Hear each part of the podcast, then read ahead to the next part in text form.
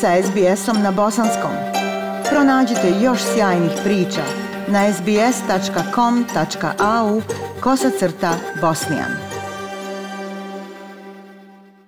Slušate program SBS radija na bosanskom jeziku. U narednim minutama govorimo o novom zakonu u Viktoriji koji zabranjuje simbol svastike.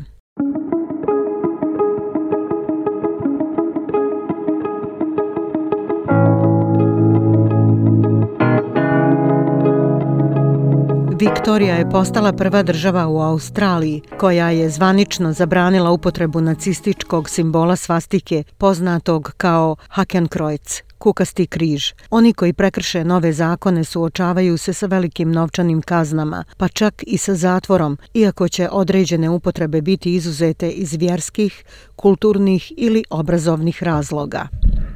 Zakoni su stvoreni kao odgovor na oživljavanje neonacističkih i ekstremističkih aktivnosti krajnje desnice posljednjih godina sa sličnim zakonima koji će slijediti u Novom Južnom Velsu, Tasmaniji, Queenslandu i Južnoj Australiji. Prilog Claire Slattery. Javno isticanje nacističke svastike sada je krivično dijelo u Viktoriji. Simbol kukastog križa koristila je nacistička partija Adolfa Hitlera u Njemačkoj početkom 20. stoljeća. Danas je ovaj simbol postao najpoznatija ikona antisemitizma, supremacizma, bijelaca i mržnje. U donošenju zakona koji zabranjuje ovaj simbol, državna tužiteljica Viktorije Jacqueline Sems rekla je državnom parlamentu da ovom simbolu nije mjesto u australskom društvu. With this bill we are sending a clear, clear message of inclusiveness, tolerance and peace. Ovim nacrtom zakona šaljemo jasnu poruku inkluzivnosti, tolerancije i mira, a također stvaramo povijest Australije. Neizmjerno smo ponosni na ovaj značajni zakon koji zabranjuje nacistički simbol mržnje, Hakenkreuz. Znamo da je ovo simbol antisemitizma, mržnje i podjela. Poruka koju simbol šalje je nevjerovatno štetna za cijelu našu zajednicu, a posebno za našu jevrejsku zajednicu. Ova vrsta štete je potpuno neprihvatljiva u društvu koje je ponosno, demokratsko, multikulturalno i multikonvencionalno. Novi zakoni dolaze kao odgovor na porast neonacističkih i ekstremnih aktivnosti krajnje desnice posljednjih godina. Viktorija je prva država u Australiji koja je zabranila ovaj simbol, ali sličan zakon je u tranzitu u Tasmaniji, Queenslandu, Južnoj Australiji, a od ove nedjelje u Novom Južnom Velsu. Amandman zakona u Viktoriji na zabranu nacističkih simbola iz 2022. proglašava krivičnim dijelom ako ljudi namjerno prikazuju nacistički simbol ili se ne pridržavaju policijske direktive da ga uklone. Državna tužiteljica Jacqueline Sams kaže da se oni koji prekrše ovaj zakon suočavaju sa kaznom do 22.000 dolara ili 12 mjeseci zatvora ili oboje. In terms of the details of the offence, it's very it's pretty straightforward. It will create create an offence within the Summary Offences Act which prohibits a person from intentionally displaying Što se tiče detalja krivičnog dijela, prilično je jednostavno. Radit će se o prekršaju unutar opšteg zakona o prekršajima koji zabranjuje osobi da namjerno prikazuje nacistički simbol u javnom prostoru ako ta osoba zna ili razumno treba da zna da je nacistički simbol simbol povezan s nacističkom ideologijom. Konkretno, kukasti križ će biti zabranjen. Vlada Viktorije uvela je zakon u maju i podržala je njegovo usvajanje nakon što su jevrejske grupe bile na meti nakon objave koja je nagovještavala zabranu. Dvira Bramović je predsjedavajući komisije za borbu protiv klevete koja je posvećena borbi protiv antisemitizma, poricanja holokausta i netrpeljivosti. Njegova organizacija je vodila kampanju za takve zakone, a bio je prisutan i u parlamentu Viktorije kada je zakon donesen. We made a very compelling and convincing case to the government Napravili smo vrlo potpun i uvjerljiv argument vladi da demokratija nije samo u pravima koja imamo, već i o tome šta smo spremni tolerisati. Ova odluka odaje počast uspomenu na šest miliona jevreja i milione drugih koji su ubili nacisti, ali i na one koji su preživjeli holokaust i koji su ovdje stvorili svoj dom. Zato pozdravljam vlast i opoziciju i svakog poslanika koji je krenuo visokim moralnim putem i glasao za ovaj zakon. Melbourne je dom najveće populacije jevreja koji su preživjeli holokaust izvan Izraela.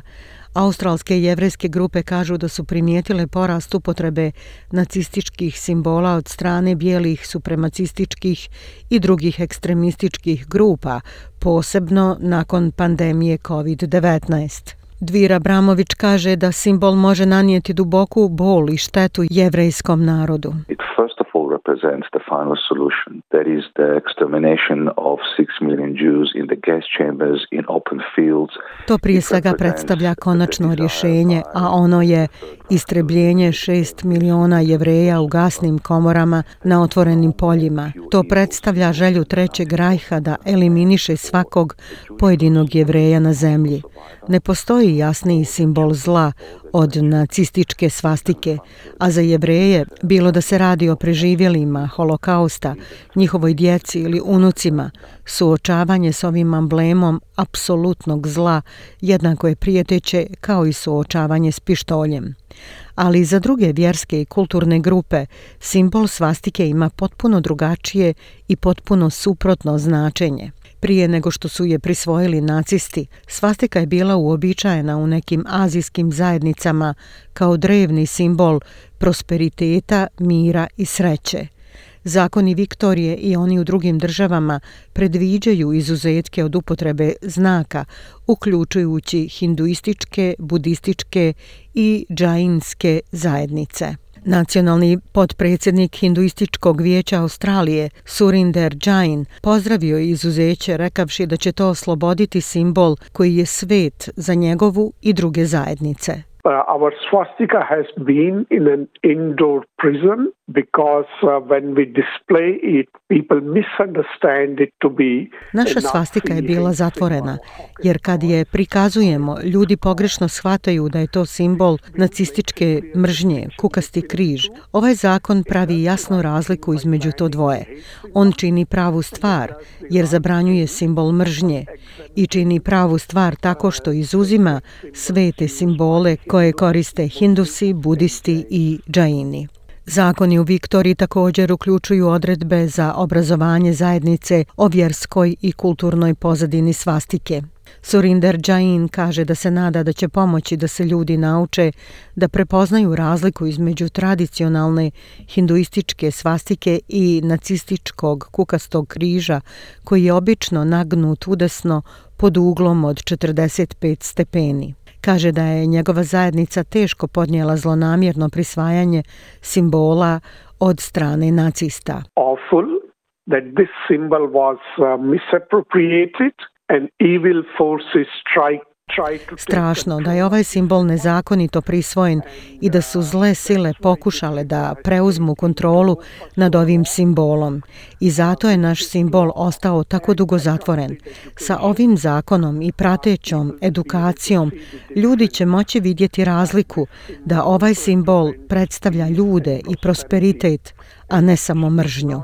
Zakon također predviđa izuzeće za upotrebu u obrazovne, naučne i historijske svrhe, kao što su učionice i muzeji. Muzej holokausta u Melbourneu jedna je takva organizacija koja ima izložene mnoge primjere nacističke svastike, uključujući kopije Mein Kampfa, te na poštanskim markama i službenim dokumentima nacističkog režima. Direktorica Muzeja za zbirke i istraživanja, Ana Hirsch, kaže da su novi zakoni dobra prilika da se više nacističkih suvenira izbaci iz opticaja. If people have these historical items that have a connection to uh, Nazism and um, the Second World War, we would much prefer to see that they were removed from commercial circulation. Ako ljudi um, imaju ove povijesne predmete koji su povezani s nacizmom i drugim svjetskim ratom, mi bismo radije vidjeli da su uklonjeni iz komercijalnog prometa i privatnih kolekcija i stavljeni u javni prostor poput Muzeja holokausta u Melbourneu. Na ovaj način ovi predmeti mogu biti pravilno predstavljeni u svom historijskom kontekstu i korišteni u obrazovne svrhe. Novi zakoni će stupiti na snagu za šest mjeseci. Ja sam Aisha Hadži Ahmetović. Ostanite i dalje uz program SBS Radija. Like, share, comment. Pratite SBS Bosnian na Facebooku.